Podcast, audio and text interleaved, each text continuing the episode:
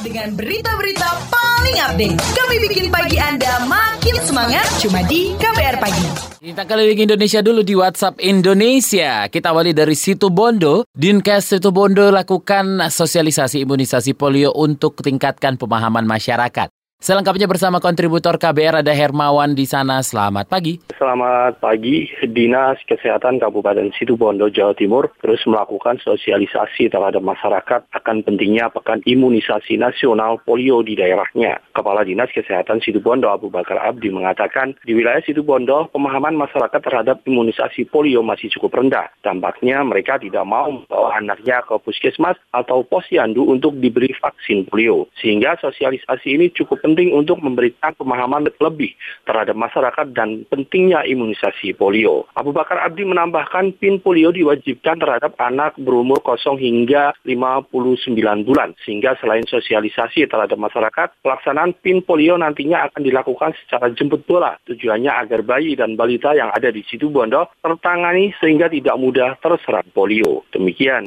dari situ Bondo, Hermawan melaporkan untuk KBR. Terima kasih Hermawan. Selanjutnya ke Banyumas. Meski tidak ada korban jiwa, kepolisian dan Dinas Perhubungan Banyumas tetap investigasi penyebab terbakarnya bus di Kabupaten Banyumas. Laporan selengkapnya bersama kontributor KBR, Muhammad Ridlo. Selamat pagi. Selamat pagi. Hari Senin pagi kemarin dilaporkan bus Rosalia Indah jurusan Malang Purwokerto terbakar di Kecamatan Banyumas, Kabupaten Banyumas, Jawa Tengah. Meskipun tidak ada korban jiwa dalam insiden ini, tetapi kepolisian dan Dinas Perhubungan Banyumas memutuskan untuk tetap menyelidiki penyebab kebakaran ini karena dikhawatirkan kebakaran-kebakaran kendaraan yang lain juga akan terjadi seandainya tidak ada penyelidikan komprehensif antara kepolisian dan dinas perhubungan. Tetapi hingga saat ini belum diperoleh kesimpulan resmi penyebab kebakaran yang akhirnya menghanguskan seluruh bis ini. Tetapi Dinas Perhubungan juga memastikan bahwa tidak ada korban dalam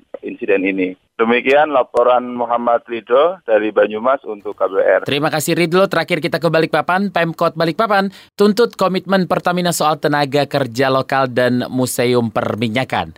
Ada Teddy eh, kontributor KBR Teddy Rumengan di sana. Selamat pagi. Ya, selamat pagi. Wali Kota Balikpapan Rizal Effendi menuntut komitmen Pertamina dalam perekrutan tenaga kerja lokal untuk perluasan kilang minyak Balikpapan yang rencana dikerjakan tahun ini. Menurut Rizal, pihaknya telah menyiapkan sekitar 3.000 tenaga kerja lokal yang telah dilatih di Balai Latihan Kerja agar siap kerja. Rizal juga menuntut agar dibuatnya museum minyak mengingat karena jika kilang minyak tersebut terampung akan menjadi kilang minyak terbesar di Indonesia. Selain itu karena kota Balikpapan masuk dalam sejarah sebagai daerah pertama yang melakukan pengeboran minyak pada 1897 oleh perusahaan asal Belanda. Demikian Teddy Rumengan melaporkan dari Balikpapan. Terima kasih Teddy Rumengan.